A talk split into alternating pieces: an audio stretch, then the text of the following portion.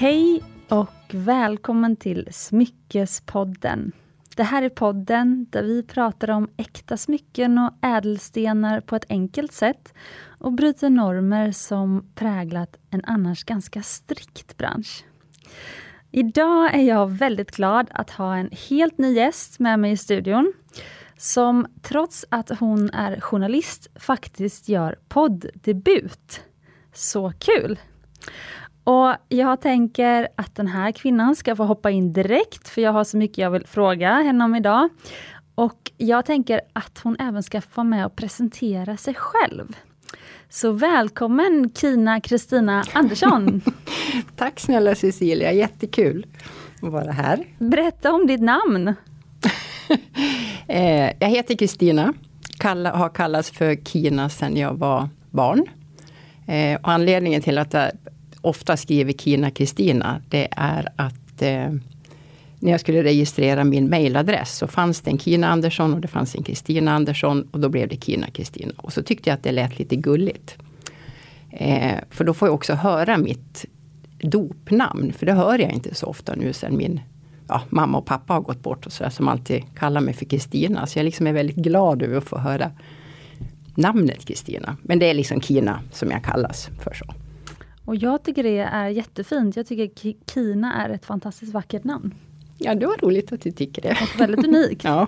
Och sen är det ju visserligen, ibland så tänker ju, så läser ju folk Kina. Och då kan ju det bli en liten rolig twist av det också. Och sen har jag upptäckt att när jag, i, om jag rör mig i internationella sammanhang och på engelska, då känner jag att då är det faktiskt lättare att säga Hello I'm Christina than Hi I'm Kina. För det låter lite konstigt liksom. Men Kristina låter bättre på engelska. Så. Men så är det bra, då har jag två namn. Precis. More is more. Och berätta, du är ju eh, i, mitt, i mina ögon en av Sveriges mest erfarna smyckesjournalister. Och kan inte du berätta lite om din resa? Så hur blev du journalist och hur kom du in på just smycken? Mm. Eh, journalistiken kom jag in på, här, jag har alltid tyckt om att skriva. Det liksom är min grej. Eh, och historier, berättelser, det tycker jag om. Eh, men sen har jag en, jag har en bakgrund som jurist. Eller jag, jag, gick en, jag gick juristutbildning men sen när jag var klar så kände jag att det där var inte för mig. Och sen var jag väl ute och sväva runt i världen ett tag. Men sen så sökte jag till en journalistutbildning.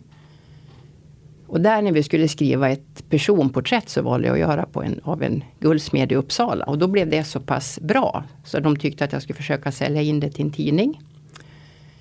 Eh, och då blev det branschtidningen. Och på den vägen är det liksom att jag just har blivit eller att jag har kommit att skriva så mycket om smycken. Jag skriver ju om annat också. Jag har varit resejournalist och jag är allmän journalist och sådär. Men det här nördiga intresset för smycken, det, det, jag kan inte riktigt svara på var det kommer ifrån faktiskt. Men, men jag tänker att när man har varit en sån där som alltid plockar stenar och små saker från marken och samlar på sig. Så jag har en förtjusning för sånt som är litet. Och gärna sånt som glittrar. Och färger. Och sånt som ändå på något vis väcker en, en liten förundran. Eller att det känns som att det är en liten berättelse. Du vet om man hittar en fin sten på en strand. Eller man kan ha hittat ett, ett, ett tappat smycke. Och så Det sätter igång så mycket tankar. Så jag tror att jag gillar det som är smått. Det som glittrar. Och så mycket färg. Så då tror jag, och sen så har jag, för jag har aldrig, jag har aldrig burit speciellt mycket smycken. Ja, för det var min nästa fråga ja, nämligen. Nej, faktiskt inte. Och, jag, och nu bär jag än mindre smycken idag. Så det är mer att jag liksom betraktar smycken. Jag är så otroligt förtjust i smycken. Men för mig är det nog mer att det, det finns en berättelse bakom varje smycke. Det låter lite töntigt men, men det är så jag ser på det. Att, det menar att smycke berättar om den som bär ett smycke. Det kan berätta om den som har gjort smycket. Det berättar lite grann om vår tid. Och sen så får nog smycke bara få vara i sin egen rätt också. Det tycker jag är lite spännande. Och journalistik. Mm. Hur kommer det sig att du är fascinerad av det? Det, det är nog just alltså själva skrivandet. Så. Och jag, jag, vet att jag, när jag gick på gymnasiet så ville jag nog bli journalist men vågade inte riktigt. För då var det, då var det svårare att komma in på journalistutbildningen än, än juristlinjen. Eh, och så var det en kompis som övertygade mig om att juridik det är jättebra. Men det funkade inte för mig alls, det där med juridiken. Det var bara hemskt. Men du gick Eh, hela utbildningen? Ja, så jag är klar och så. Ja, I och för sig, nu kan jag väl tänka sig att det var väl dumt att jag gick en hel. Jag hade ju kunnat bryta tidigare. Men jag hade, för mig var det nog så viktigt att få visa att jag klarar av det också. Så. Eh, och sen så tänkte jag att jag provar på det där med journalistiken ändå. Men min ingång var nog alltså det skrivna ordet och få berätta. Så jag, jag har aldrig varit en journalist som, är, som eh, du vet verkligen ställer folk mot väggen eller sådär. Utan jag, jag, jag vill nog få berätta liksom historier kanske på mitt eget personliga sätt och så. Ja, de gånger du har intervjuat mig för Mm. någon, mm. smyckestidningar och så, då har du alltid varit väldigt snäll. Det är väldigt Ja, snälla frågor. Ja, men det tror jag. För jag har inte, och det kan jag väl tycka ibland att jag, men alltså jag, jag granskar ju sådär. Men eh, jag tänker att när jag träffar människor, alltså skapande människor, då är jag nog mer intresserad av liksom just den skapande processen och så människan bakom. Så jag känner att det finns ingen riktig anledning att... Alltså man, om man granskar branschen som helhet så är det en sak. Men kanske inte liksom den person i sig som, som skapar. Utan då, då ser jag kanske glädjen, kreativ, kreativiteten och jag blir väldigt, väldigt nyfiken på, på just det. Så, Men journalist, journalism Mm. eller journalistik, vad heter det? journalistik säger man. Ah, okej. Tack så mycket. Journalistik har ju ändrat sig väldigt mycket Mm. under alla år. Mm. Hur, hur många år har du varit journalist? Ja, nu är det nog, jag har nog hållit på i 20 år. Och alltid frilansat. Så- Eller jag började jobba på en del eh, landsortstidningar och sådär. Men, men jag alltid liksom, jag har valt den här frilansvägen. För att få den här friheten att kunna För hur skiljer det sig liksom, från att vara journalist då och att vara det nu? Och jag tänker att det är också intressant, alltså, vi som vill nå ut, Mm. vi som till exempel arbetar med smycken eller arbetar på vilka företag som helst. Mm. Eh, Alla företag vill ju nå ut och det Mm. gör man ju via journalister, eller Mm. gjorde i alla fall för Mm. 20 år sedan. Nu kanske man inte gör det på samma sätt. Nej. Att journalisten inte är Mm. samma liksom, barriär mot allmänheten. Eller hur ser du på hur det har förändrats? Jag, jag tycker att det har förändrats rätt mycket i det där att det är, som du sa, att menar, om jag liksom är lite snäll så kan jag tänka att det liksom har blivit ännu mer så. Men sen beror det på inom vilken Alltså inom vilket område man är journalistik i. Jag menar, är det nyheter eller är du en utrikeskorrespondent eller skriver om mode och design. Och så finns det också som jag säger det här att ska man granska en, en bransch. Eller ska man liksom eh, undersöka kreativitet och, och design. Det är liksom olika sätt att förhålla sig på tänker jag. Men jag kan också tänka det att om du, som du pratar om det här med att, att nå ut. Så är det nog faktiskt lättare idag. Därför att det har också blivit så att många eh, vi som bevakar just kanske smycken. Nu tänker jag inte bara på Sverige för det finns ju inte så många som skriver om smycken. Det finns ju mycket stylinguppdrag och sådär. Men just att skriva om smycken är vi ju inte så jättemånga. Men det är ju rätt stort ute i världen. Men där har det också blivit så att då blir vi som en, en, en grupp som också vill Vi vill också nå ut. Likväl som en smyckedesigner vill nå ut. Så att det är nästan som att ibland så kan jag uppleva att det har blivit så mycket för eh, journalister och skribenter att, att vi måste också bygga ett varumärke och bli någon. Fast vi egentligen är satt, alltså men våran yrkesroll är ju faktiskt satt att granska och berätta. Så. Och så har det nästan blivit som att det är många eh, journalister eller skribenter. Man, man kan ju skilja lite grann på det där med att vara kanske skribent eller journalist. Men just att man, man måste också ha ett namn. Själva så. Så att det, den där anonym, anonymiteten försvinner lite grann. Och kanske också, det vet jag inte, men kanske objektiviteten försvinner lite i det också. Har du tänkt någonting på att du ser liksom en, en, eh, en skillnad sen du började? Hur du möts av press och sådär eller? Ja, jag tycker att Mm. det är väldigt stor skillnad. Ja. Och jag tycker också det var väldigt intressant det du sa om att likväl, för det jag sitter och funderar på är Mm. de som lyckas nå ut och de Mm, kanske mm. smyckesmärken som lyckas nå ut väl eller guldsmeder som lyckas nå ut väl. De behöver ju själva bli lite PR och Mm. människor, skribenter själva. ja. Så de måste gå och bli lite mer journali- Mm. journalister. Och ni måste bli varumärkesbyggande. Mm. Så att det liksom går ju, det har blivit lite ombytta roller faktiskt. Mm. Eller att alla Mm. måste vara allt. Eh, så det var väldigt intressant. Men, eh, men det du frågade om, eh, om det har ändrats. Jag började ju 2014 mm. och då var ju en av mina första ja, grejer som jag gjorde när jag kom hem från Indien och hade de här mm. smyckena med mig hem. Det var ju att mejla tidningsredaktioner, så jag kollade liksom i modetidningarna och så kollade jag dem, liksom, ah, men vad har redaktionen för mejl? Och så mm. mejlade jag mm. dem och skrev att ah, jag heter det här och det här och jag är så här gammal, jag har startat smyckesmärke och min resa, eller jag var i Indien och så berättade jag lite sådär.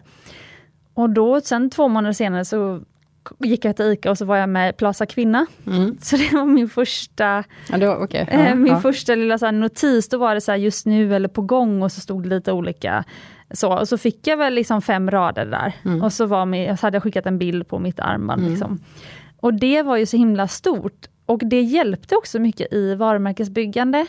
Men nu upplever jag som, för, för en månad sedan var jag med i Damernas Värld, eh, med någon ring som de har använt att styla. Och det var första gången på väldigt länge som jag var med i någon tidning igen, för det är ingenting som liksom vi har arbetat med mm. överhuvudtaget, för att liksom försöka komma med i. Men, och då, det gav ju ingen ring på vattnet alls. Mm. Alltså, så att, eh, och den ringen är ändå väldigt speciell, så att eh, jag, jag, vet ju om det hade gett någon ring på vattnet ganska direkt, som det ändå kunde göra innan. Då visste man ju det för att man fick liksom någon, någon mail om det eller sådär. Eller någon kompis som bara, åh, kolla jag såg i tidningen sådär. Sen så vet jag inte om det för att det bara är lite mer etablerat märke nu och, och sådär och att de som läser den tidningen kanske redan har lite koll mm. på varumärket. Mm. Men ehm, men jag upplever inte att det ger samma effekt nej. som, nej. nej. Men, men, för jag för visst var det så att du också fick väldigt mycket uppmärksamhet för ditt litet sätt att tänka hur man skulle producera? Ja, med återvinning och så. Ja. ja. Och sen, nu vet jag att du sa det på ett, ett, ett, avsnitt också, men att din ingång då var ju också lite grann att du visade mycket alltså stil. Ja, just det, ja. precis. Men det verkar som, du har ju ändrat det lite. Alltså, vad jag upptänkt, för jag har ju ändå följt det, jag har inte stolkat dig men jag har följt det liksom genom åren. Så, här. Så, så tänker jag att du har utvecklats lite grann, att du har blivit faktiskt ännu mer intresserad av just smycken. Jag vet din ingång och det här med Indien och kvinnorna som bar smycken och det här vackra och sköna och sådär.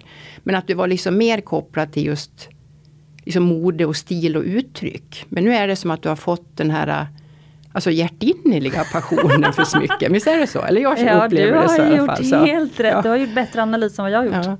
Ja. Eh, och jag tänker att för, för, jag vet att jag tänkte när jag började liksom skriva, nu känns det som att jag skriver i hundra år, det är ju helt sorgligt.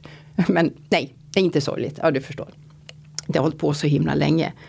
Men jag var nog också mer intresserad av när jag började skriva på något vis att jag tänkte att man vill visa hur det ser ut tillsammans med mode, för jag är också intresserad av mode. Men nu kan jag nästan tycka att det blir lite för mycket av det där. Att, liksom att smycken bara används för att det blir bara en, en yta. Och styling. Och det är fortfarande kul. Men du vet när man har den här nördigt, nördiga kärleken för smycken så vill man att varje smycke ska komma till sin rätt på något vis. Och det där är ändå att jag är jätteglad över att smycken får så pass mycket uppmärksamhet som de får nu i tidningar och i modetidningar. Och det är liksom jag menar, som senaste omslaget på Femerna, det, liksom är, det är ju översvallande smycken och man blir ju alldeles lycklig liksom. Men, men vad jag kan sakna, eller så är det bara för att jag är lite avis sådär då på utländska tidningar och sådär. Men jag skulle vilja se kanske mer att man kunde få skriva om smycken på ett annat sätt. Inte bara visa bilder. Det är klart att man måste se smycken för smycken är till för att titta på. Så därför tycker jag att också att det är så fantastiskt kul att du har startat den här podden. För då får man ju prata om smycken ur alla vinklar. Och jag menar jag tittar ju på alla dina avsnitt som du har gjort och då är det ju allt. Det är färg och det är liksom att bygga garderoben och det är historia och det är någon porträtt där och det, alltså det är helt ljuvligt. Och det skulle jag vilja se mer i skrivet alltså skrivet i tidningar. Men det är ju för att jag är en skrivande människa. Liksom. Så jag skulle vilja att det fanns mer utrymme för det. Det är en helt egoistisk känsla men det skulle jag vilja. Jag håller verkligen med och eh, mm. nu kom jag på vad, vilken fråga det var som försvann i mitt ja, huvud. Ja. Det var nämligen vart ska man vända sig om man vill läsa om smycken? Alltså om man vill gotta ner sig i sitt smyckesintresse, vad, vilka tidningar vänder man sig till då? Alltså i Sverige känner jag att det, det finns liksom inte riktigt någon. Så, nu har vi ju eh, eh en branschtidning. Men den, den eh, kommer ju väldigt sällan och det är ju ingen som man kan köpa. Men sen tycker jag att man kan ju gå in och läsa på Aurum Forum där du gästskriver också. Och superbra. Men annars så finns det ju liksom ingen tidning som är ägnad åt det. Jag var ju redaktör för en tidning som hette Watches and Jewelry ett tag, men den gick tyvärr i graven för några år sedan. Men det var också under den här uppbyggnadstiden när man försökte väcka intresse för smycken. Och jag kände att vi nådde aldrig riktigt fram då, för smycken blev alltid behandlat som Ja, ja, det är någonting som man sätter på, alltså man tänker som i modesammanhang. Så det har ju blivit en, ett explosionsartat intresse för smycken de senaste åren. Tycker jag. Ja, det är kul att du säger alltså, det. Och i, i, som i Sverige. I, I, andra länder är det ju lite annorlunda. Så där finns ju jättemycket tidningar. Jag tänker på Town and Country som är en sån livsstilsmagasin som med bas i New York. Och chefredaktören där som jag nu inte kommer ihåg vad hon heter för jag kommer aldrig ihåg namn. De får ju skriva hur mycket som helst om smycken. Och du vet då, jag, jag blir så avundsjuk. så där skulle jag vilja vara. Och likaså när, när jag är ute på, på mässor och, så där och träffar utländska kollegor så kan jag också känna det där att jag kan bli så avundsjuk att de har så många publikationer, att det finns ett annat intresse för smycken än bara det där att visa och nu ska ju vi prata om trender och mode och sådär, eller trender. Men inte bara det utan att det finns du vet, någonting mer. Ja det är helt ja, rätt. Nej men det är helt rätt. Vi ska, I det här avsnittet ska handla just om smyckestrender. Och jag har bett eh, Kina att göra en liten trendanalys inför 2022. Vi ska strax gå in på det. Men jag håller med angående det här med att eh, det är eh, liksom så tråkigt att det inte finns så mycket möjlighet att liksom gotta ner sig i, alltså för oss som gillar att läsa då, mm. det som ni journalister har skrivit, så finns det inte så mycket att läsa. Och jag brukar säga att det inte ens finns några böcker om det på svenska. Nej. Alltså om man går in på mm. liksom Adlibris eller Akademibokhandeln så finns inte det. Så det är jättetråkigt. Eh, och jag, men jag tror att det kanske mer handlar om att det är ovant och kanske chefredaktörerna inte liksom har tänkt på smycken som en kategori man kan skriva om. Nej, nej. För jag har väldigt svårt att tro att det inte finns intresse för det. För alla bär ju smycken mm. likväl som vi bär kläder. Mm. Eh, men sen så också för att knyta tillbaka till det här du sa om liksom att eh, mitt eget intresse har gått från liksom mode och, och styling och hur man kunde inkorporera smycken i sin, liksom, kläd, i sin styling med kläder. Mot att nu verkligen vara så här, jag är mycket mer nördig inom smycken och mm. ädelstenar och sånt. Mm. Eh, och det har ju kanske att göra med mognad. Och sen så dels såklart det har att göra med ju mer man lär sig om någonting desto mer fascinerad blir man ju. Så det är ju verkligen så här, kunskap föder ju intresse mm, mm också. Mm, eh, så. Mm. Men, men jag vill inte glömma bort det jag kom ifrån om man säger, för jag kom ju inte från, jag var alldeles smyckesnörd när jag var liten. Utan jag blev ju fascinerad av smycken mm, när jag var liksom 24 mm, år mm. och var i Indien. Och jag vill inte glömma bort den där personen som jag var innan, för det är dem jag vill nå nu. Mm. Så nu vill man liksom ändå komma ihåg det budskapet som ändå nådde fram så väl då. Så att jag fortfarande, för om vi alla blir för smyckesnördiga, då blir det svårt att nå den där stora massan också. Mm, precis. Nej, men, ja, jag håller med, det är ju som en balans. Men ja. som jag brukar säga, det här liksom, att jag tänker mig ändå att det finns ju en, en inneboende smyckenörd i oss alla. Det gäller bara att locka fram dem. Liksom. Men, hur man ska, men, men jag, jag, håller med. Jag tror, jag menar intresse för smycken finns där ute. Men det är just i tidningsvärlden som jag känner att jag vet inte om de riktigt har fattat det. Liksom. För jag tänker ju så här ibland att du vet, man kan sitta på en middag eller man träffar folk. Ja men vad gör du då? Det är alltid, du vet. Ja, jag skriver. Ja, vad skriver du om då? Ja, mycket smycken. Skriver man. Smycken, det kan man väl inte skriva om? Ja, och så går jag igenom det där att ja, men man kan ju skriva om ur ett designperspektiv eller man kan skriva historia eller om ädelstenar, gemologi och så här. Och du vet, det slutar ju alltid med att den personen jag pratar speciellt om de har varit riktigt sådär Nej men det, det, låter konstigt. Då har de ju alltid någon historia att berätta. Mm. Du vet det är smycken som de kanske har tappat bort och som de fortfarande tänker på. Eller det är smycken som de fick av mormor. Eller något som de såg i en film. Eller, så det, och då, du ser. Så. Man, det finns ju alltid någonting där liksom. Precis. Så jag skulle gärna vilja se det. Jag kan återkomma sen för att nu det här att komma ihåg på studs sådär. Men jag kan nog samla några tips på tidningar, utländska tidningar och böcker som jag tycker är, rätt roliga som man kan hålla koll på. Och Ja, vad kul. ja, Då kan jag skriva det i Instagram, ja, på Instagram. precis. Mm. Och några så här kanske Instagramkonton att följa och det finns någonting som heter eh, Jam... Jam Society. nej, Jamflix Club. Jam, alltså det är som en Just klubb. det. Helt underbara och jag vill skapa, jag vill ha en sån klubb själv. Jag har, jag har den som ett arbetsnamn där jag tänker att den heter Liz. För jag tänker på Elizabeth Taylor. Och jag har sådär skojpratat med Victoria och, och Carolina som du brukar ha som gäster. Liksom. Så det, det är liksom en imaginär juvelklubben som heter Liz. Och då tänker jag att man kan du vet, dela intresset med de som är intresserade också men att nå nya. Så då är du med där också känner Ja, jag. vad härligt. Ja. Och jag fick ju ett mejl igår från en underbar kvinna som, hoppas det är okej att jag säger att hon heter Karin, men eh, Karin du som läser det här, tack snälla för ditt mejl. Eh, jag tror att Karin kommer vilja vara med i din klubb också. Då är Karin med i min klubb. Aha, Ja. Hon älskar smycken, berättar hon i mejlet. Hon lyssnar på Smyckespodden, så det var väldigt kul. Men okej, vi ska ju prata om vad vi har att vänta oss smyckesåret 2022. Mm. Så bara som sista fråga nu innan vi börjar trendspana. Kan inte du lite kort berätta vad du har på dig för smycken idag? För Det är ju väldigt kul att höra och lite grann hur du tänkte när du, eller varför, varför du bär just de smyckena. Alltså, ja. Jag, som sagt, jag, jag bär inte så mycket smycken nu för tiden faktiskt. Men jag har alltid mina signatur, eller mitt signatursmycke. Det är ett par, eh, måste jag faktiskt ta bort så att du ser. Så. Jättefina. Ja, det är en- Mörka. Det är en svart och en vit pärla som hänger på en liten sån här haggig kreol. Liksom. Mm. Och det tror jag jag har burit de senaste ja, 25 åren kanske. Jag vet Oh, inte. wow.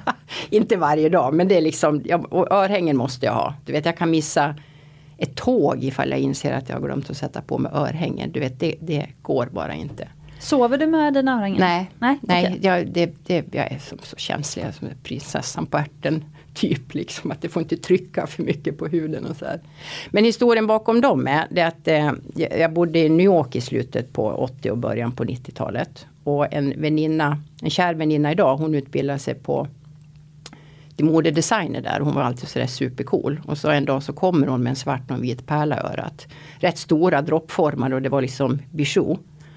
Eh, och då berättade hon att, att hon hade köpt dem på Metropolitan eh, museet. För där hänger en, en tavla av, jag hoppas att jag säger rätt nu, men Ruben som heter Venus. Och då ser man en rätt yppig kvinna som speglar sig. Och då ser man liksom i spegeln och sen i verkligheten bakifrån en svart och vit pärla.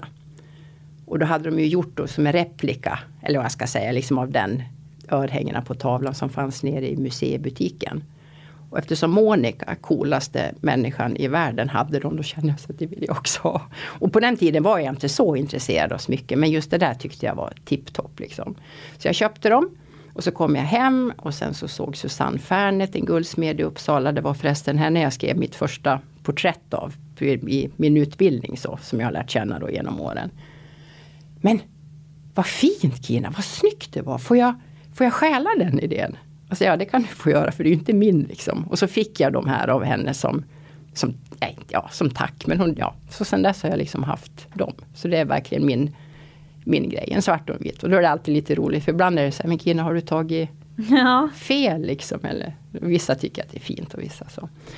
jättefint har jag, tycker jag. Mm, tack, det var roligt. Och sen har jag en eh, Den här bor där. Jag har en väldigt tunn tunn guldring på tummen. Den kan flytta, flytta på sig ibland. Så ibland hamnar den på långfingret och ibland är den på pekfingret. Och varför den är det, det är bara för att jag fick den av ett kusinbarn. Den är jättesnygg. Det är, det är den Ja. enda ringen du bär. Ja, En ja. supertung guldring på tummen. Jättesnyggt. Mm. Och förut har jag, har jag använt smycken så har det varit liksom örhängen och så ringar. Men jag vet inte, jag kan nästan tycka att de är i vägen. Så, så att jag inte... Och sen bara för att jag, det berättade jag innan, liksom, jag har varit på en, en begravning i, nu i helgen. Och det är inte, inte jättedramatiskt men det var en, en gammal moster som gick bort. Eh, Eh, och hon, hon, att, att hon, det är liksom den sista i som den, alltså min föräldrageneration som liksom har gått bort. Så det var, liksom, det var stort på det på, på så sätt. Så. Och sen blir man ju alltid väldigt tagen av begravningar. Men då kände jag att jag var liksom tvungen att ha, så nu tog jag på mig den bara för att jag kände att jag ville berätta det. Alltså då, då har jag en, eh, en eh, belock med, i form av en fjäril som är gjord av när David Så vacker, är den emaljerad? Ja den är emaljerad och det är en norsk silversmed som är rätt känd. David Jensen tror jag han heter. Jans Jensen. Ja, nu kommer jag faktiskt inte riktigt ihåg namnet igen. Men sen har jag då en belock. Och en liten, liten diamant som hänger bredvid. För då är det, det är liksom med mamma och jag då som var med på begravningen också. För jag kände att min mm. mamma skulle få vara med på den begravningen. Så att det är sådär. Och jag tror att det är lite grann så jag bär smycken nu. Att det är mera minnen och eh, att, det, att det liksom betyder någonting. Och ibland så kan det vara så att jag behöver liksom ha med mig min mamma i vardagen eller när jag ska göra någonting. Så där, och då sätter jag på mig den där, den, en belock då, som jag fick när jag var liten av henne. Och sen en liten diamant som hon alltid bar. Så. Så jag är, alltså jag är extremt sentimental och nostalgisk. Alltså, så när det gäller smycken så är det lite så här, lite fånigt kanske. Men, men så det är det jag bär idag. Jättefint tycker jag. Och du bär ju också det halsbandet på en lite längre kedja. Ja. Så att den är liksom gömd under så då undrar man liksom sådär vad är änden på kedjan. Så det blir lite mm. spännande mm. när man så, så, det här, precis, det, så det här är nog inte mer att jag liksom har, du vet jag klär mig inte med det här smycket. Som utan, styling? Nej, utan nej. det får gärna vara. Utan jag bär det, jag bär det med mig, Nära inte på huden. mig. Så. Jättefint. Så, lång utläggning där. Är du redo för att prata ja, trender? Ja,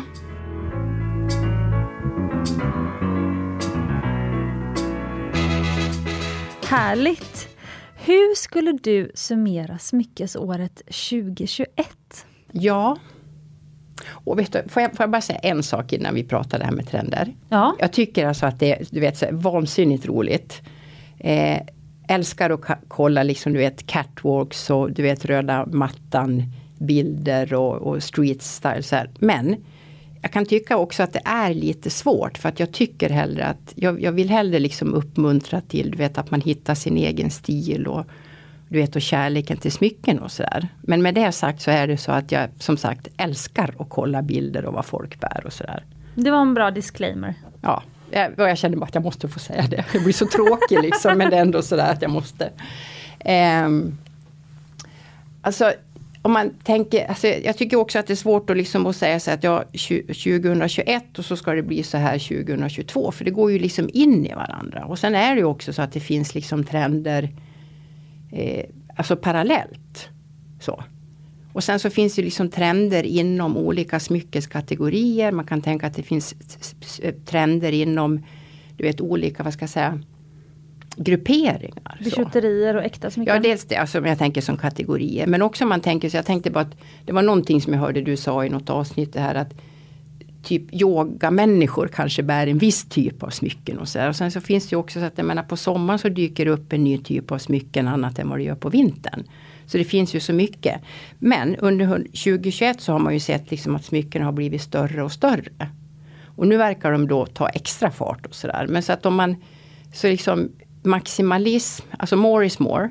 Mycket färger och så lekfullhet. Eh, och sen också den här att det inte vurmen, men omsorgen om naturen som dels är ett måste. Och man tänker liksom att man måste tänka hållbart. Men det tror jag också vi, verkar också ha visat sig lite i att man använder en annan typ av material med snäckor och trä och sen, och sen så vill man gärna lyfta in alltså naturmotiv i smycken som en liten hyllning till naturen. Alltså mycket, men blommor har ju, och djur har ju alltid funnits som motiv. Men det tycker jag har varit extra starkt. Och gärna insekter. Sådär, så. Kan så inte att, det ha att göra med att eh, när, man, om man, när man tänker mycket på miljön och liksom, alltså, smycken har att göra med, man, man bär ju ofta smycken också för att man vill symbolisera någonting mm, kanske. Mm. Så eh, om det är en grön våg i samhället så kanske då människorna vill, liksom, när man sen då väljer vilka smycken man ska ha på sig, eller man vill liksom investera i, så kanske man vill liksom symbolisera det, Precis. naturen i sitt... Precis.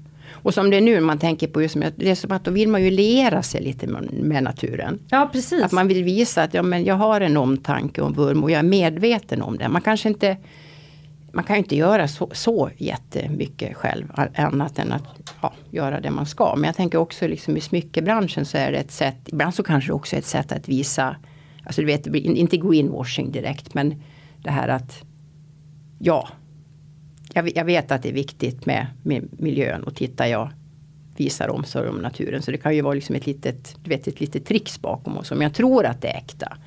Och hur den är så ser man väldigt mycket liksom. Det är, det är blommor och det är lite naturliga material och sådär. Så.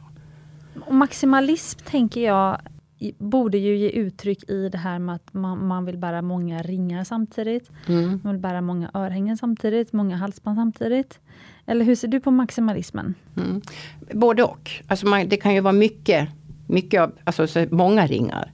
Eller att det liksom är stort. Och, och, här har det ju faktiskt varit både och. Nu är det som att det börjar bli liksom Alltså det är både stort och mycket. Jag tänker det har ju varit en lång trend av det här när man ser fine jewelry och den här dummy fine jewelry, förlåt, lite kraxig. Och, och den här layering principen, alltså att man liksom använder många, många tunna ringar. Det ger ju också ett statement om det är många. Men som jag ser det nu så verkar det som att man gärna har fortsätter den trenden men att det ändå med större smycken. Liksom. Och med det här med många tunna kedjor och sådär. Att, att allting växer i dimension på något vis. Så. Har du någon personlig favorit från 2021? Någon sån trend du spanade? Eller som du kanske märkte på dig själv att du använde? Eh, na, ja, jag måste ju säga att om jag, om jag liksom vill vara sådär lite fin eller man ska gå på fest och så då har jag gärna stora örhängen. Det tycker jag är härligt. Så, så det, det var jag liksom glad över att se att det blev liksom många stora färgglada örhängen och så här. Sen är det lite jobbigt om de blir väldigt tunga. Och sen måste jag säga att jag tycker att det har varit rätt bra. Det verkar som att det försvinner lite grann nu. Men att man bara kunde ha som ett stort statement-örhänge. För det är ju, jag menar, tyvärr är det så att det är rätt många gånger som jag tappar bort liksom ett örhänge, Så har man bara ett kvar och det är så fruktansvärt irriterande. Då blir man ju påmind om att man har varit klumpig och tappat bort någonting. Liksom. Men då tycker jag att det har varit fint att bara ha ett. Så.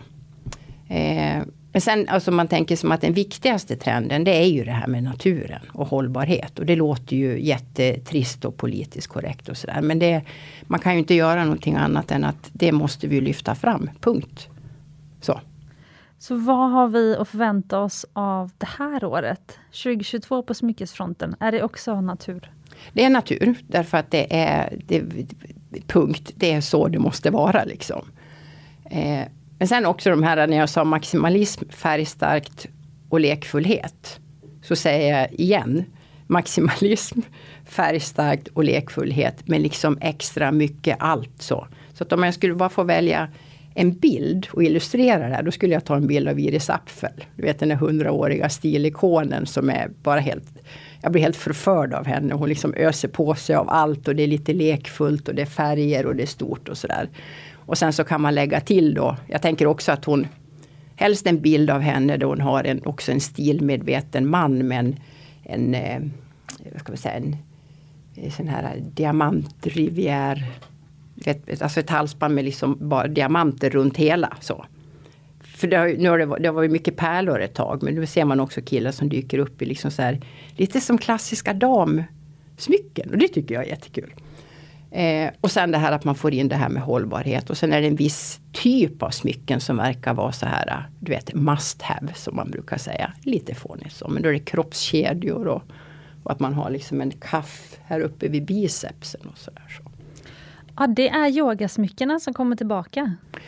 Ja, de där, det där med, med kroppskedjor och så, att man ser att det pryder midjan och sådär. Alltså både till om man tänker, liksom, man har, har sett någon Chanel-visning och de har liksom eh, midjekedjor till bikinin och så, men man ser också underkläder. Men vad jag förstår så var ju det då typ populärt på 80-talet, men det har jag missat helt. För jag vet att jag la ut en sån bild på mitt Instagramkonto och sa, oh det där hade jag på 80-talet. Så jag, va? Det har jag inte sett så. Och det här med, med i, ingenting är ju nytt under solen. Men det är väl det att man mer man kan ändra uttryck och man kanske just att man använder smycken på andra ställen än vad man har gjort tidigare. Liksom. Eller man får en revival. Så. Jag tänker mycket på att det här går ihop med den trenden som jag ser i samhället mm. om eh, spiritualitet ja, och andlighet. Precis. Och eh, Tulum där jag bodde några vintrar, eh, där, eh, som är ju väldigt liksom, spirituell så. Mm. Man säger att där finns det, det är en speciell vortex med en speciell energi och Mm. antingen passar man in där eller så passar man inte in där. Och Mm. Alla åker till. Tulum för att Mm. lära sig någonting och det är ju väldigt så Mm. ja, eh, spirituellt. Mm.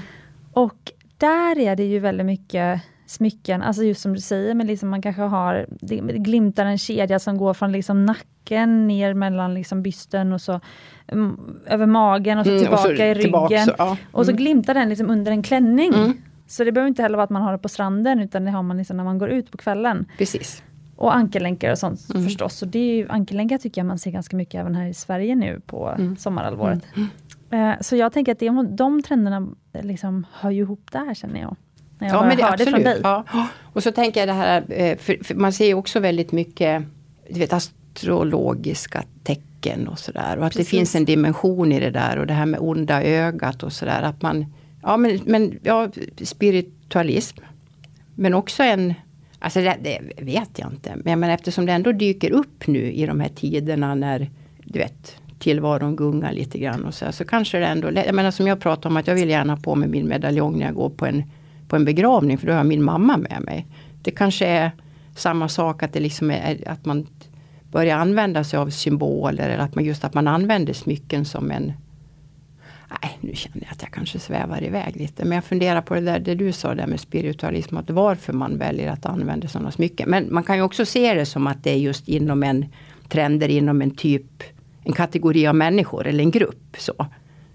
Alltså Ja. förstår du vad jag menar? Att det, Ja, ja absolut. Och Mm. jag tycker du har helt rätt, för jag själv ser ju som smycken som amuletter. ja, När jag har pratat i vissa avsnitt om eh, till exempel hur man bygger basgarderoben Mm, smycken mm. eller hur man liksom ska veta, att, hur ska man veta sin stil, alltså vad ska Mm. man investera i för Mm, nästa smycke. Då brukar jag säga att det tar ett helt liv att bygga en smyckeskollektion. För att liksom smyckena, och smyckena sen blir ju som små amuletter. Vilket är också därför som jag föredrar eh, fine jewelry eller Mm. äkta smycken. En- precis, för de ja. håller ju hela Mm. livet. Sen vissa bijouterier, oäkta smycken, om man verkligen tar hand om dem, då kan de ju också hålla hela livet. Mm. Så det behöver inte vara uteslutande så. Men så det här med amuletter, det blir också då som till exempel ärvda smycken. Nu, Mm. nu har ju inte du ärvt, men du fick det av din, din mamma.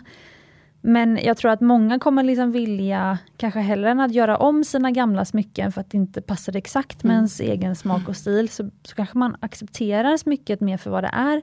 Och så bär man det när man vill, eh, liksom när man känner för det. Man, man behöver inte bära den här mormors gamla vigselring till exempel, eller eh, röda rubinringen man ärvde från farmor som inte ser ut exakt som man själv hade gjort sin Nej, egen röda nej, rubinring. Mm, mm. Men man kanske liksom tar det för vad det är och Mm. att det är liksom, nej, men det var farmor så den får se ut så. Mm. Jag behöver inte bära den varje dag men ibland har jag den. Annars får den vara en fin ask på sängbordet. Mm. Och inte att man så här mejlar en guldsmed eller kommer in till en guldsmed. Eh, och så, ja men hur kan jag göra om den här så att den blir mer modern? Utan man kanske låter det få vara Mm. så som den faktiskt är. Det tycker jag är en fin idé. För så tycker jag. det lät ju dumt. Eh, men, men jag tänker att om du har en ring som säger att du har fått ja, som ett arvegods. Eller som, som du känner att det här är ju inte riktigt din stil. Men du kan ju bära den tillsammans med någonting annat och då blir det ju en ny stil. Precis. Alltså den lite, kanske säg lite töntiga ringen eller hur man nu ska säga. Men det påminner ändå om en kär person. Men så sätter du till någon modern variant eller någonting. Så det finns ju liksom Man kan ju leka med uttryck med att man sitter, du vet man sitter med mina smycken och så kan man Du vet plocka ihop lite. Och bygga nya garderober av det man Det man har liksom. Sa inte du det någon, i något avsnitt som du gjorde med dina kläder har jag för mig. Nu när jag tänker när jag bara pratar om det. Att det här att man Ja men det här är det jag har men hur kan jag kombinera ihop det på olika sätt. Och det kan man göra med Exakt. smycken också. Det behöver inte vara så att jag har den där ringen Antingen har jag då, där och då eller det kan man bara ha till det här. Utan blanda ihop lite av det du har. Så. Och skapa nya uttryck. Sitter här och viftar med armarna. Precis. Jag älskar att du har lyssnat så väl på Smyckespodden. jag blir men det har jätteglad. varit så superkul alltså. Verkligen. Nej men det stämmer verkligen. Eh, att jag tycker att man ska mixa och matcha och vara kreativ. Mm. Eh, sen sitter jag och funderar på en annan trend som det här med att folk har eh, flyttat ut till hus och sådär. Om man har kanske flyttat Mm. till större eller man vill ut på landet eller man drömmer om att komma ut till hus Mm. eller landet. Det är ju liksom en, Som det var nu, ja, Ja, en precis. tydlig Ja, trend ja. i samhället. Eh, hur tror du att det kommer, det är inte lika glam, alltså jag själv som har ju hoppat på den trenden och är nybliven husägare okay, ja. eh, eller, eller liksom bor i hus nu sen en och en, och en halv månad tillbaka. Mm. Eh, men jag märker att jag klär upp mig mycket mindre, smyckena mm. blir oftare liggande i byrålådan. Mm. Eller inte byrålådan, jag har dem i en fin ask på sängbordet då, så mm. ser de ju ändå. Um, men för när jag går ut på, jag har ju väldigt praktiska kläder på mig, jag har på mig gummistövlar var och varannan dag. Mm. Eller ugg som mm. det är liksom snö. Ja, jag känner, jag känner igen det där också. Uh, men liksom hur kommer... Ja. Mm. Nu svarar jag nästan på frågan själv, eller okej okay, jag svarar för mig själv då, ja. bara som jag själv känner det nu när jag skulle till exempel in till stan då och träffa dig uh, och, och podda. Um, vi har båda tagit spruta tre ska jag säga. Ja precis, ja. Så får hoppas att, eh, ja. Men um, um, då känner jag att jag vill bli, vara lite mer glammig än vad jag kanske hade varit om jag åkte in, eller bodde i stan eller var här varje dag. Mm. Uh, så då kanske jag tar mig liksom en lite större ädelstensring. Alltså sådär mm. att jag liksom, ja, mm. Ja, nu pekar du på min ring här. Ja, men jag, jag, jag var lite nyfiken vad det var för något. Vad det var för eh, sten? Är det en, grön, en... Ja, grön turmalin. Turmalin, ja, tänkte det. Ja, med diamanter runt. Mm. Det är en sån här mm, jättefin. mörk mossgrön mm. turmalin som är smaragdslipad. Ja, jättevacker. Väldigt stor och det mm. var ju en sån sten så när man hittar den det var ju Johannes som visade den mm. och det var bara, nej den... Den är min. Ja. ja. Eh, nej men sen när man hittar en fin ädelsten, alltså det är ju det är inte once in a lifetime, men det är ju inte varje månad man hittar sina drömädelstenar. Nej. Så kan jag säga. Inte, alltså inte ens när man jobbar med smycken. Eh, men så jag bara känner att kanske blir det mer glam, kanske blir det liksom motsatsen till faktiskt då din jättefina tunna guldring som du har på dig, som jag tycker är hur vacker mm. som helst. Men det här att man liksom, nej men nu vill jag ha liksom något eh, jättestort eller färgstarkt, för nu ska jag ju faktiskt in till stan eller göra det här. Då vill jag ha något som är, att man blir liksom det här lantliga mot glam, man vill glamma till. Mm. Det tror jag. För så kan jag, om jag också får prata för mig själv, så kan jag ändå känna lite grann så. För men nu har jag flyttat ner till, till Vadstena. Det är ju inte direkt ute på landet, men jag menar Vadstena är jättelite så det blir ju som landet ändå och har blivit med trädgård som jag inte har varit intresserad av förut och man håller på. Då har man ju inte smycken så. Så att jag menar så när jag tar mig upp till Stockholm eller till Uppsala och ska träffa då, då måste jag då tänker jag så, oh, vad ska jag ta med mig för smycken liksom. Ja precis. Men det kan sluta med att jag tar med mig dem. Men det, det, är inte, det är inte det att jag behöver använda dem alltid. Men det är liksom Det är roligt att få tänka lite grann att ja men då kanske jag ska ha de där smycken och så få vara lite fin. Och nu läste jag det här någonstans också så jag vet ju inte riktigt om det är sant men det var någon annan sån här trend forecaster som pratade om smycken. Att eftersom det har blivit så extra mycket, jag menar det är verkligen more is more is more is more nu. Att det är som man tänker också på alla, det här var hans eller hennes förklaring, jag kommer inte riktigt ihåg vem det var som hade skrivit det. Men alla de här liksom uteblivna festtillfällena under de här pandemiåren. Nu tar vi igen allt. Och så liksom använder man allting på en och samma gång. Plus att man skruvar upp det så att det blir liksom ännu större och ännu färggladare. Och lite så. så att, och det ligger ju lite i linje med det du säger där att om man inte om man tar ett steg bort från glammen då kan man ju börja längta efter det. Är man där hela tiden så är det ju Då ser man inte skogen falla träd, eller? Nej, jag, jag. nej, nej. Ja. men jag tänkte också på det här nu eh, i höstas när, eh, när det var som att folk liksom började leva som vanligt igen. Mm. Eh, då blev det ju, plötsligt skulle alla ha glitterkläder. Ja. Eller jag tyckte i alla fall att när jag gick in på sociala medier eller mm, faktiskt jo, det, även ja. liksom IRL. Mm. Så skulle alla ha på sig jättemycket mm. glitter. Mm. Så jag tänker att det, något sånt kanske kommer mm. liksom till. Mm. Jo men det, för det tycker jag att man ser också väldigt mycket. Man tänker liksom, liksom mer strassiga, blingiga örhängen även till gin. Det har jag alltid tyckt har varit fint för det är kul med de där kontrasterna. Men det tycker jag man ser mycket mer också på om man tittar på olika Instagramflöden och sådär, eller konton. Så. så det kan jag ju tänka mig. Har du, eh, alltså om du skulle summera fem smyckestrender säger vi, som vi kommer summera av 2022. Har du liksom fem som du känner är så här, de här liksom starka trenderna ser jag? Alltså en som, det vet jag inte om man kan då säga liksom att det blir påvisbart eller hur man kommer att se det. Men just det här om man ändå lyfter fram naturen och då blir det ju dels det här att man tänker att det är tror och hoppas att konsumenter kommer att ställa liksom mer och mer krav på när de kommer in i en butik. Ja, men vad, vad, vad är det för material ni har använt och var kommer stenarna ifrån och sådär. Eh, så att det åtminstone på, på sikt leta sig in i oss alla. Att, det, att vi har det ansvaret allihop, alltså både konsumenter och så tillverkare. Men att det liksom visas i ett uttryck så tror jag nog att man kommer att se ja, men du vet, blommor, djurmotiv och som sagt och gärna insekter har jag fått för mig. För det ligger också lite till gränsen till att man ändå den här lekfullheten som jag pratade om tidigare, nu blir det jätterörigt. Du får stoppa mig när det blir för... Nej, nej jag hänger för, med. För, jag tror för, lyssnarna ja, hänger med ännu bättre. För lekfullheten, den kan jag liksom se, alltså man, du vet, det, det är mycket roliga smycken nu. Färger men också lite knas, nästan lite barn, alltså inte bara lekfullt utan lite barnsliga smycken. Så. Men det finns ändå en tendens att det skruvas till och blir lite absurt. Så man tänker lite Salvador Dalí och då är det ändå en liten obehagskänsla. Och sen så slår det över ibland till någon slags Okej, okay, det ser lekfullt ut men det är lite dystopiskt nästan med lite rustningskänsla eller lite taggigt. Och jag menar punk är ju kul men det är också en, en viss aggressivitet eller det kan vara det liksom en skyddsmekanism och det här med eh, symboler som onda och ögat och sådär. Och då tror jag att det har liksom en, att, att göra med att man både alltså leker med naturen men att man kan också vara lite rädd för den. Men alltså så att alla teman på natur ja. är, är liksom en trend och sen hur den syns det kan jag inte riktigt förklara kanske. Så det är två delar där, alltså just att hållbara material och etik. Så. Men sen att man ser det då just för att Men igen så blir det så här, ja men blommor och, och djur. Och, det, har man, det har man ju sett sedan tidernas begynnelse i smycken. Liksom. Men just nu har de ändå en liten extra skjuts. Nej, jag tycker att det mm. låter, för då är det nästan två smyckestrender som är inom natur, liksom ja. under natur ja. och då är det ena det med hållbara material. Precis. Och det håller jag ju verkligen med om, alltså jag som är inifrån mm, branschen mm, om man mm. säger. Mm. Sen kan jag vara li lite besviken över att det är så himla många smyckes märken och liksom, som trots allt kommer undan med att inte ens säga vilket land de har producerat i. Ja. Det finns inga klädmärken Nej. som inte, inte kan säga det. Eh, och då blev jag så fascinerad, för jag gick in på ett eh, känt smyckesmärke här i mm. Stockholm.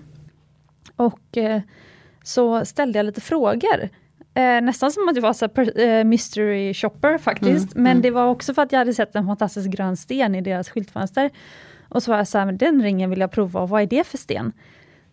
Um, och då kunde ju förstås butiksbiträdet svara på vad det var för sten. Men sen så frågade jag, men var är, den, eh, var är den gjord och är den gjord i Sverige? Och, eh, det visste hon inte. Eh, hon sa bara Nej, att, den, var, hon sa att ja, den är mm. infattad i Sverige. Och jag som då jobbar med smycken, då vet jag att okej, okay, men infattningen är ju det sista steget. Mm, alltså, mm. Men vart är den gjord? Var kommer guldet ifrån? Liksom för, om den inte är gjord i Sverige, själva ringen, då är, är antagligen guldet inte återvunnet. Mm. Um, och det hade, hon sa att hon hade aldrig fått den frågan. Och det är ett jättekänt svenskt smyckesmärke. Så jag var det så här, lite konstigt. Ja. Och, och, till oss så kan en kunde vara så här, um, men jag vill veta exakt vilka behandlingar som den här ädelstenen har varit med om. Så vi får ju frågor, vi kommer ju inte undan. Men sen blir jag så här, kanske så är det just de då som vänder sig till oss som faktiskt är extra nördiga och då ställer de ännu sådana nördigare och bra frågor. För det är det som gör att jag måste, jag köper, att ni utvecklas ja, också. Men vi kan ja. ju inte då köpa in stenar. Då Nej. jobbar jag och min produktionsmanager mm. Fanny. Eh, säger så här, ja men den här blå safiren, vart kommer den ifrån? Om vi inte vet det, om inte stensäljaren kan säga eller liksom leverantören kan säga det till oss, då kan inte vi köpa in den. Så vi sätter ju i vår tur då, kunden sätter press på oss, vi sätter press på stenleverantören, stenleverantören sätter press på sin kedja. Nej, men om inte du kan säga till mig vilken gruva eller Ja, det, där är vi inte än, men i alla fall vilket sliperi och så vidare, vart är den slipad? Då kan inte min slutkund sälja den. Så det bygger verkligen på att konsumenterna liksom... Men så det här med hållbara material, eh, det ser jag ju redan. Alltså, alltså det, det håller jag verkligen med om. Men sen det här med motivet och insekter och sånt, det tycker jag faktiskt är jättespännande. Och jag tänker att det hör ihop med det här när du säger att en trend var barnsligt och lekfullt. För att eh, blir man inte mer kreativ i lite så krisiga tider, alltså om det då har varit, det har varit lite två dystra år skulle man kunna säga. Eh, och då vill man liksom bli ännu mer kreativ, ännu mer lekfull, ännu mer barnslig kanske. Men det tror jag. Jag pratade med en, en guldsmed som heter Annette. Just hur de hanterar det här med eh, hur de kände inför det här med pandemin och sådär. Och först blev hon liksom fullkomligt så här skräckslagen och kände att oj, allting kommer att gå åt helsike och inte kunna sälja något så mycket och bla bla bla. Men sen så blev det ändå så att, att hon gick igång på de här begränsningarna på något vis. Att vad gör jag då? Alltså det, det var som att det kopplades på en annan, inte en annan typ av kreativitet, för hon är väldigt kreativ, men ja, extra mycket. Just för att man var tvungen att, att bli kreativ inom Alltså ibland är det jättebra med helt fria tyglar. Men det är ju en, det är en annan utmaning när man måste bli kreativ om man liksom har blivit tillsagd att du måste ändå hålla dig inom det här. Så växte någonting annat så. Så, så hon beskrev det som att det blev som en, en explosion av kreativitet under det här. Alltså inom henne. Sen vet jag inte om det kanske, jag menar, jag vet inte riktigt. Jag tror det går bra för henne, det, det tror jag.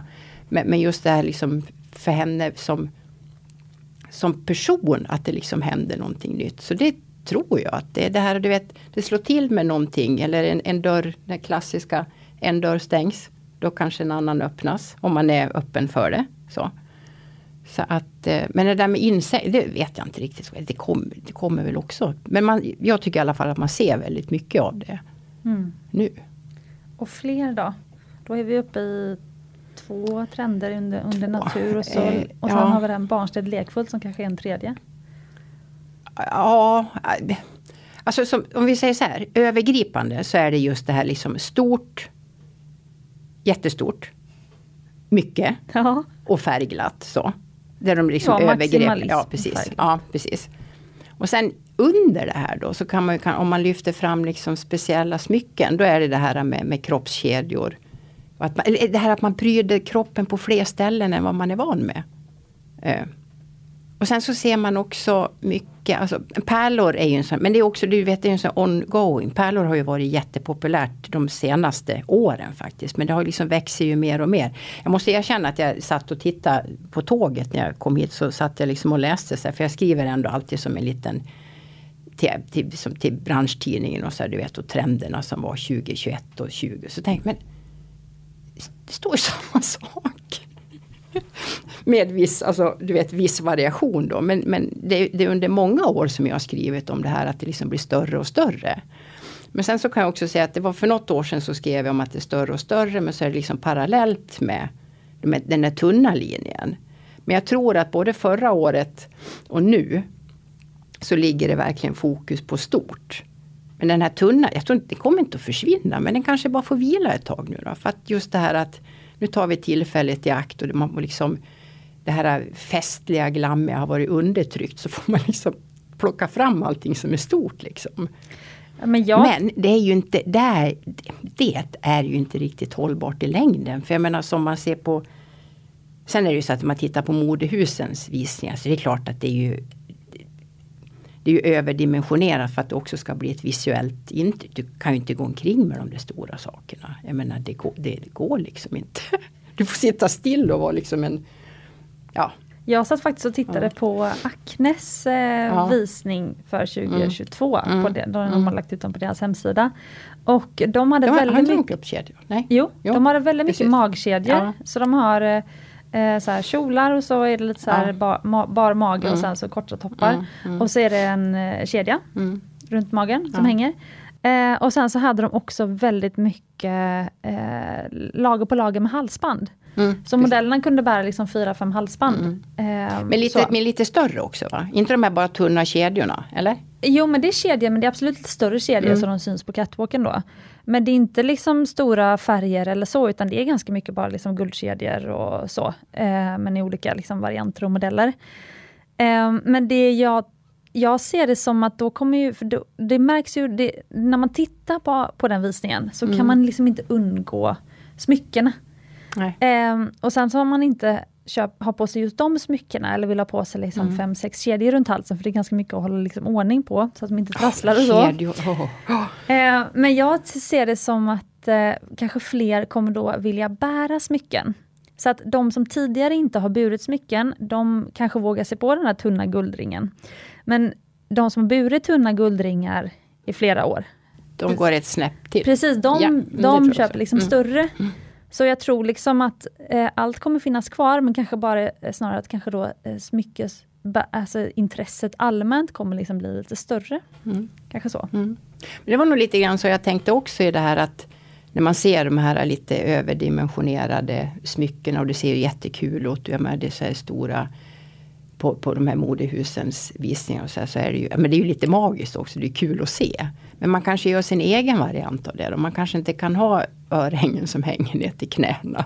Eller kreoler som är liksom knästora sådär. Utan men, ja men fint med en kreol. Men jag tar en liten mindre variant kanske. Eller som du säger att någon som har haft litet vågar sig på större. Liksom.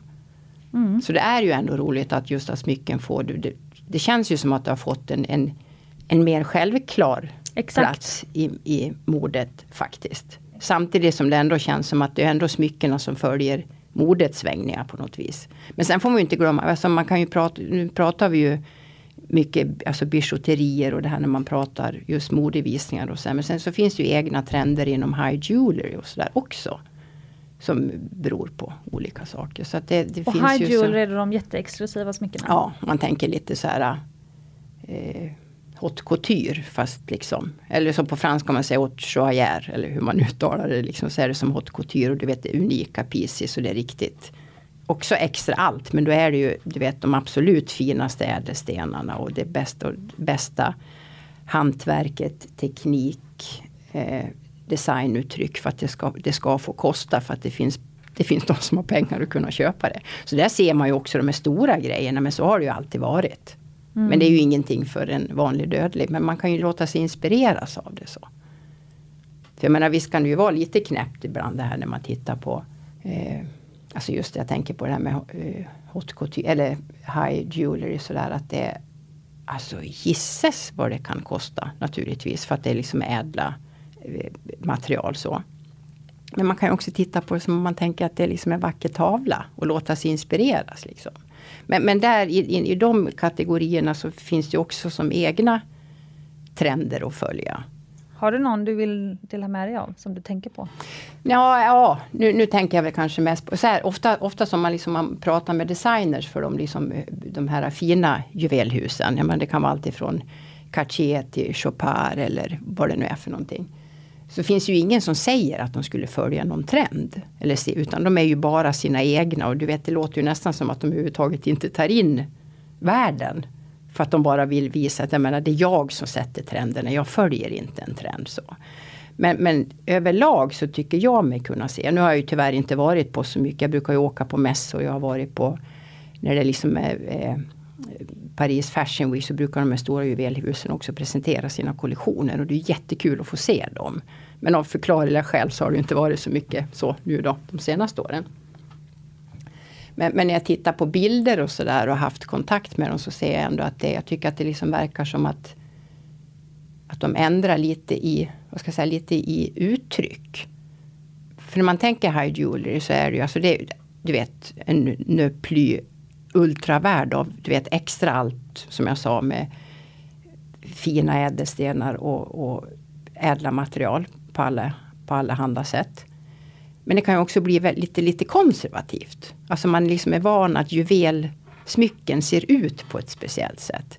Men där tycker jag att det verkar som att det ändras lite grann. Så att om man tänker att det är Istället för att det är gammeldags sirligt så är det mer ett uttryck av att det är bara lätt och luftigt. Och, och inte liksom att det kanske är gammeldags maffiga former utan att det är mer, alltså, men du vet, version 2.0, High Jewelry 2.0. Liksom, att det ändrar i i uttryck och få ett lite mer modernt Vilken sätt, typ så. av material jobbar de med? Alltså är det diamanter och platina eller? Ja, alltså det är ju som, som, som, som du arbetar med, det är ju fine jewelry. Det är bara det att man jobbar liksom med unika pieces och du vet de absolut dyrbaraste stenarna man kan, man kan hitta. Så. Ja, vi snackar flera karat, eh, ja, safirer ja, och rubiner ja, och sånt. Mm. Ja, och, lite. och många också. Ja, I varje smycke och så där. Så är det. Och, jag menar, och det är fantastiskt kul att se men det är också jag kommer ihåg när jag satt och eh, inspirerades i How to spend it på lördagarna. Jag satt, okay. sagt, sagt det någon gång förut i podden, men jag satt på Café Saturnus och så bläddrade jag i um, How to spend it. Mm. Efter jag hade varit på gymmet som låg precis runt hörnet då. Eh, och i How to spend it, det roligaste med How to spend it är att kolla på alla smyckesannonser som finns där. Och där mm. är det, om man vill få en bild av high jewelry som du mm. pratar om nu, då ska man läsa How to spend it. Det är okay, alltså, mm. man kan säga det, motsvarigheten till det Weekend, fast Financial Times då. Mm, mm. Så det är Financial Times mm. helgbilaga. Mm. Och eh, då började jag, och då tittade jag till exempel på Dior eh, mm. Haute mm. vad det nu heter eh, på franska. Men, eh, och då började jag analysera liksom, vad, vad var de hade, för de hade magiskt vackra ädelstenar. Det var så färgglada smycken. Jag var ju helt liksom, mm. började då bli förtrollad av ädelstenar. Så jag tyckte att gud vad kul med någon som använder så mycket färg. Och då började jag analysera, men vad för typ av stenar har de? Det är liksom enormt stora ädelstenar i liksom ringar eller ballocker eller örhängen och liksom halsband och så. Um, och sen så var det ganska mycket så dekorationsädelstenar som var mindre. Liksom. Så att de stora ädelstenarna, det var ofta morganit eller turmalin. Eh, turmalin finns ju liksom i alla möjliga alla färger. färger. Mm. Och sen så alla de här små liksom, pyntet runt om, liksom, det var oftast då safirer och diamanter och så. Och, det var, och då insåg jag att så här, okej, okay, men de tänker liksom också liksom, ekonomiskt när de designar. Absolut. Eh, för att stora turmaliner, alltså vi snackar mm. 5-6 karat, det är fortfarande väldigt exklusivt, men 5-6 karat Safirer. Mm. Det är ändå billigare än en Safir eller ja, en ja, diamant men, och smaragd och rubin, precis. Ja, ja, för vi mm. snackar ju ändå liksom alltså, femsiffriga mm. belopp så, mm. på liksom färdiga smycket. Mm. Men det hade kanske blivit sexsiffriga om det mm. handlade om liksom så stora Safirer. Så det var ändå häftigt hur de liksom byggde liksom upp sina färgglada smycken och hur de använde de olika ädelstenarna på olika sätt. Kommer jag ihåg. Helt, helt rätt. Jag menar det är klart att det liksom jag menar också någonting som man ska säga som driver en trend. Det finns ju ekonomi bakom naturligtvis. Jag kommer ja. ihåg någon gång det här är länge sedan men det var, jag tror att det var på en mässa i Vicenza. Så vi är så otroligt förtjust i. Det var så mycket guldsmycken i så här spetsmönster. Och åh, jag tyckte det var så vackert. Och så blev jag ändå lite så här eh, nästan lite tillplattad av någon annan journalist som sa att ja men för då var guldpriset otroligt högt. Extremt högt just då. Ja men det fattar du väl att man får kunna skapa lite volym utan att använda så mycket guld så gör man ju det liksom som spetsmönstrat. Ja just det, tänkte inte riktigt på det. Och det är ju samma sak som det där med, med stenarna. Så. Men sen är de, jag menar det är klart att även ett traditionellt juvelhus, man, man måste ju lite hänga med i tiden samtidigt som det är extremt viktigt för dem att behålla sitt DNA. Så man måste mm. ju liksom känna att det är Cartier eller vad det nu är. Men en grej som jag tänkte på med just dem, för de har ju oftast en sån här, du vet en grön, vit och svart palett. Det är väldigt vanligt i alla fall. Mm. Och då har de ju använt mycket smaragder. Men nu har de börjat använda Oh, vilken sten var det? Alltså det är, det är, en grön sten, nu tappar jag bort mig. Men som är liksom en ljusare, savorit kanske. Ja. Som är liksom ljusare. Mm. och den kan nästan vara lite, nästan lite grillig ibland så. Ja. Men där tror jag, då är det precis de där sakerna som, alltså dels så ger det ett litet lättare ljusare intryck som känns lite mer modernt. Och då menar jag inte att modern skulle liksom vara bättre, men bara ett annat uttryck. Samtidigt som det nog, alltså att vara en sten som faktiskt är lite billigare än, mm. än smaragden. Och just det där att sen plockar de ju på de här du vet finaste rubinerna och safirer och så här också. Men då kommer de i lite, de är med. Men just det får, får liksom kanske komma ner i pris. Så. Det skulle ju inte de säga naturligtvis men det tror jag är en helt rätt analys. Så. Men jag märker även för mig själv, alltså um, även om man eh, som jag då liksom har ett smyckesmärke. Mm. Vilket gör att jag kanske har möjlighet att liksom ha ännu, eller det gör ju att jag har möjlighet att bära och äga ännu fler smycken än vad jag hade gjort om jag inte hade ägt ett smyckesmärke. Så. men, men jag kan ju också bli stressad av att säga, alltså allt jag har på mig ska mm. in, behöver inte vara svindyrt. Och eh, det, det, det, finns någon, någonting som är härligt i att så här, använda de naturens olika material som mm, finns mm, mm. för det de är liksom, för det de är. Och det är härligt. Ja, att, egen rätt liksom. Ja, ja precis. Mm. Och liksom eh, kanske designen på Cartier så här, men Ja, då har man traditionellt då, för att smyckesbranschen, äkta smyckesbranschen har varit väldigt traditionell. Det, då är det ju diamanter och smaragder mm. som kanske varit de mm. lyxigaste mm. ädelstenarna.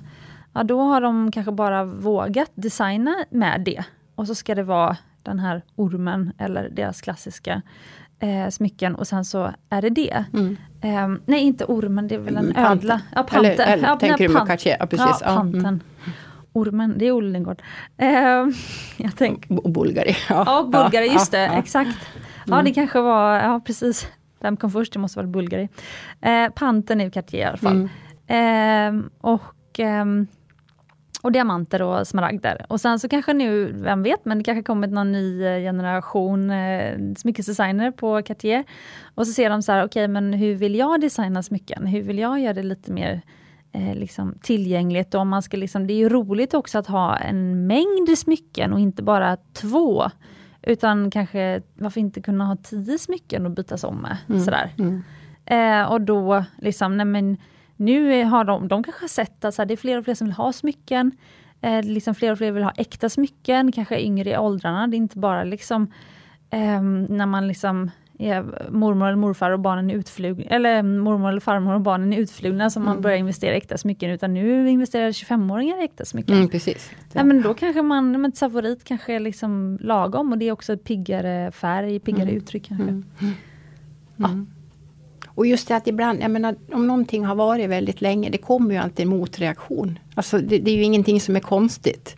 Men jag tror att en viktig aspekt är precis det där du sa. Att jag menar, ett, ett juvelhus eller ett, ett märke kan ju oh, nu förändrar vi lite grann eller titta vad moderna vi har varit. Så kanske det är enbart en krass ekonomisk idé bakom. Liksom. Och det är ju inget fel med det. Så. Nej. Men att de, de kanske inte riktigt vill säga det då, men, men det är väl inget konstigt. Men så överlag i alla fall då vad man ser, tycker jag inom eh, de här ja, stora fina juvelhusen. Så känns det som att de håller på att bli lite mera är lite mer moderna på något vis. Sen är det lite svårt att kanske uttrycka vad just modernt är. Men jag tänker också Boucheron som är ett av de här äldsta franska juvelhusen. Som jag alltid har älskat för att de tycker så mycket om bergskristaller. Så det har alltid fått plats med de här stenarna som inte är de absolut mest ädla. Alltså när man brukar prata om rubiner och smaragder och så. Utan de har alltid älskat bergskristaller. Jag tycker den är så fin. Liksom våran svenska diamant så. Men där, hon som är eh, kreativ eh, ledare där, någon Claire, och så har hon något sånt där namn som jag inte kan uttala i efternamn. Hon har börjat blanda in så jättekonstiga material som är du vet, så riktigt super high tech som NASA använder och gör samarbete med liksom med inom industrin och hittar liksom nya mm. beläggningar eller ytor och gör att det som man blir alldeles så här helhäftigt alltså. Och den här senaste eh, kollektionen där har hon använt, fattar inte riktigt hur det går till. Men det är liksom så att det blir som en holografisk effekt. Mm. Så att det liksom skimrar på jättekonstiga sätt i olika färger. Väldigt färggrant. Alltså då tillsammans med vitt guld eller platina och stenar, naturliga äkta stenar också med den kontrasten liksom. Men leker hej vilt, det är jättekul att se. Så bara, va? Okej, det, det tycker låter... jag skoj. Ja. Ja, okay, då ska vi hålla ett öga på Boucheron. Boucheron det ska vi absolut hålla koll på. För det tycker jag var en sån här, alltså, och lyfta fram en grej från, från förra året. Alltså, mm. så att, och så vänta med spänning på vad de ska hitta på det här året. Liksom, med sina... Kul! Ja, så. ja, det har varit superkul att uh, sitta och snacka trender med dig. Ja det var jättekul. Kul. Ja, jätteskoj. Eh, jag sa ju här till vår eh, poddkille innan att mitt mål är nu att eh, avsnitten ska vara ungefär en timme långa. Och om man kommer in i en sån här bra flow som man brukar göra då med gästerna, för vi har så trevliga gäster här, då tänker jag att eh, då vi hellre, spelar vi hellre in ett avsnitt till. Så om du vill höra mer av Kina så skriv till mig på Smyckespoddens Instagram. Där vi heter Smyckespodden. Väldigt många nya som hittar dit nästan varje dag. Det tycker jag är så kul. Även när vi bara släppte reprisavsnitt. Så det var kul att ni... Ja, jättekul Cecilia. Alltså jag är, är så glad att du har gjort, gör den här podden alltså. Precis det där jag vill, alltså egoistiskt, men vill se och skulle önska att det liksom också kom i Eftersom jag nu är en skrivande människa så, så skulle jag önska att jag fick den där platsen som du har fast bakom. Alltså, du, och du gör det så jäkla bra. Ja vad kul, vad snällt att du säger det. Men eh, jag ska inte släppa det riktigt än, för jag Nej, har nej, även ett nytt ja. koncept. Förutom att jag då redan har eh, misslyckats med det här att vi skulle bara prata en timme. Jag tror vi har pratat eh, lite längre än en timme. Oj, oj. Eh, så jag har redan misslyckats med det. Ja, men okej. en annan grej jag tänkte jag skulle försöka nu i säsong två, eller som jag verkligen vill göra. Det är att jag skulle vilja eh, för, eller jag har förberett några frågor som jag skulle vilja ställa till varje gäst som kommer hit. Mm. Och eh, jag tänkte vi ska börja med fem snabba. Och tanken är att du svarar liksom snabbt då, utan att tänka. Mm. Och sen så får du chans att förklara efteråt om du vill fylla ut något. Är du redo för fem snabba? Alltså egentligen inte, för jag är ju världens mest långsamma människa. Men Ja. vi kör. Okej. Vitguld, rödguld eller platina? Eh, rödguld, Diamanter eller färgädelstenar? färgädelstenar, Skräddarsy personliga smycken eller investera i klassiker? skräddarsy, Halsband eller örhängen? örhängen, Ringar eller armband? eh, ringar. Kul, det här var, var rätt jättekul. snabb faktiskt. Ja. Eh, vill du, är det någon punkt som du kände så här, det här vill jag berätta varför jag sa? ja, det där med rödguld faktiskt. Ja, För berätta. det kändes som att jag blev så här, varför sa jag rödguld för? För jag har alltid varit en silverperson. Du har bara rödguld på dig nu vad jag ja, kan se. Jo, precis. Och jag tror att det har handlat om att, att alltså jag har ju varit så mörk när jag var ung. Men Alltså i håret? I håret, Ja. ja, nästan Nu svart så sådär. Ja, nu är det silver så. Men, men då är det som att det där rödguldet passar bättre i min ton nu. Jag jag vet inte varför, men jag har fått för mig det. Men jag, jag borde ha svarat, jag kände så här, men jag är ju, jag är ju vit metallsperson, jag har ju varit silver. Men så kom jag på att, nej men det passar inte mig riktigt längre. Du har ju väldigt fin så brun, eh, så brungul hudton som passar väldigt fint till eh, guld, rödguld. Ja, så det är väl, jag tror att ja, jag har ändrat liksom lite färg i både hy och hår och då passar rödguld bättre.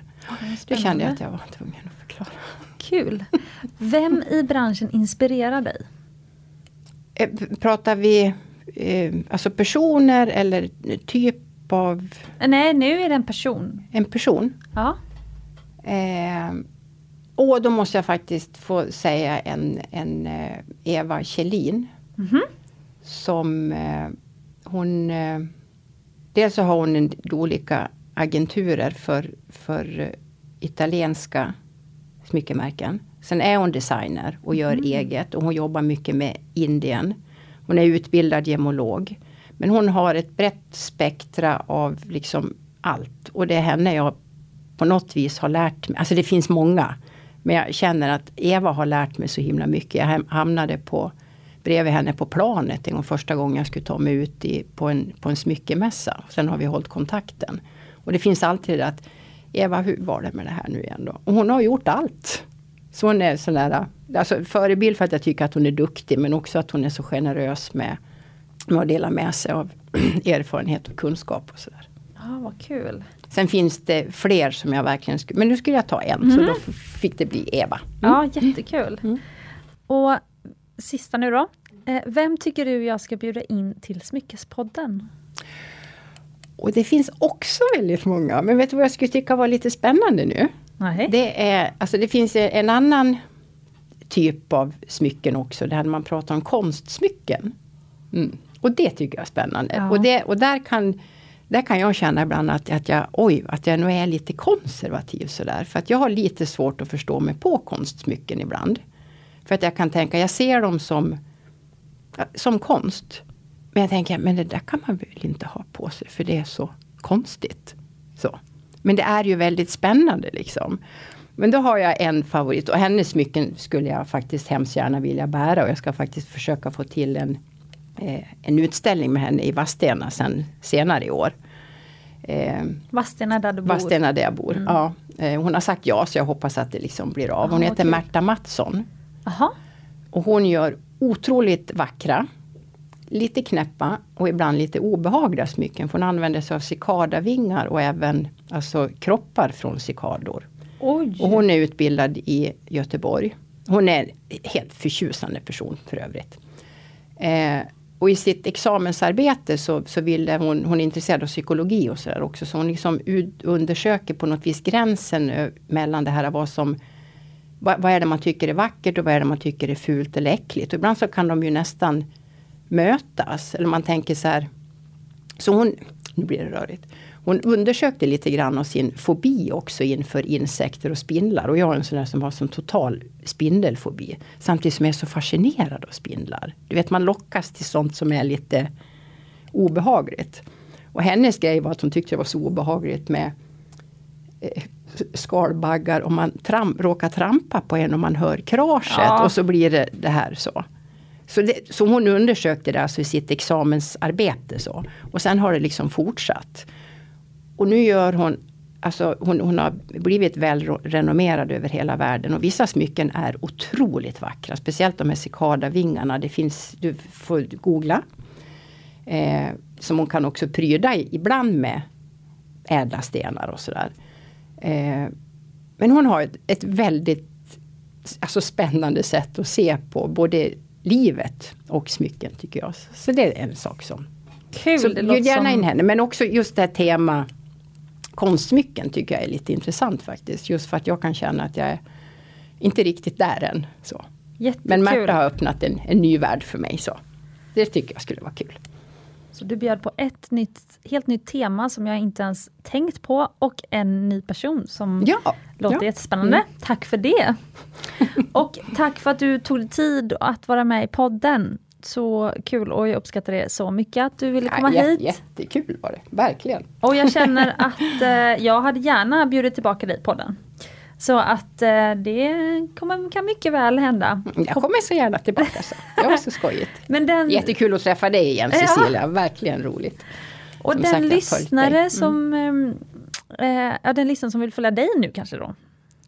Eh, vart kommer den personen i kontakt med dig om man tyckte att du var spännande att lyssna på? Ja, syns väl kanske inte så jättemycket. Men jag finns ju på, på Instagram och då har jag mitt konto heter Kina Kristina Andersson. Eh, och nu är det i och för sig en blandning så det är inte bara smycken men, men där finns det i alla fall. så. Kul! Ja. Så om du som lyssnar eh, gillar det här avsnittet och eh, kanske vill eh, säga några ord till Kina så blir hon jätteglad om ni går in och ja. skriver. Och om du vill säga några ord till mig eller har frågor om avsnittet eller så, så kan du skriva till Smyckespoddens Instagram. På DM där, jag svarar alltid. Och eh, med de orden och gärna, får jag bara ja. säga en sak ja. till om det, för, alltså gärna dela med sig av sina smyckeshistorier till mig. För jag känner att det skulle vara, jag har någon sån idé om att jag du vet, vill samla berättelser, smyckeberättelser i på något vis i skriven form. Ja, vet, inte, vet inte vart det ska ta vägen men liksom just det att Ja, berättelser om smycken så. Så de får gärna höra av sig till mig och liksom om de Jättekul. tycker att de har någonting att berätta. Så. Just det, för Kina är ju skribent och journalist och älskar att dela historier. Ja, det tycker jag är roligt. Ja, så det är klart. Dela era smyckeshistorier med Kina. Gör det. Eh, just det. In, nu har jag bara skrivit ner det för jag kom på att jag skulle säga det, men innan jag önskar er alla en härlig dag så vill jag passa på att säga bara att nu så kan du betygsätta Smyckespodden även i Spotify. Jag tror att de typ i helgen, alltså det var alldeles nyss, som de la in att man kunde ratea poddar.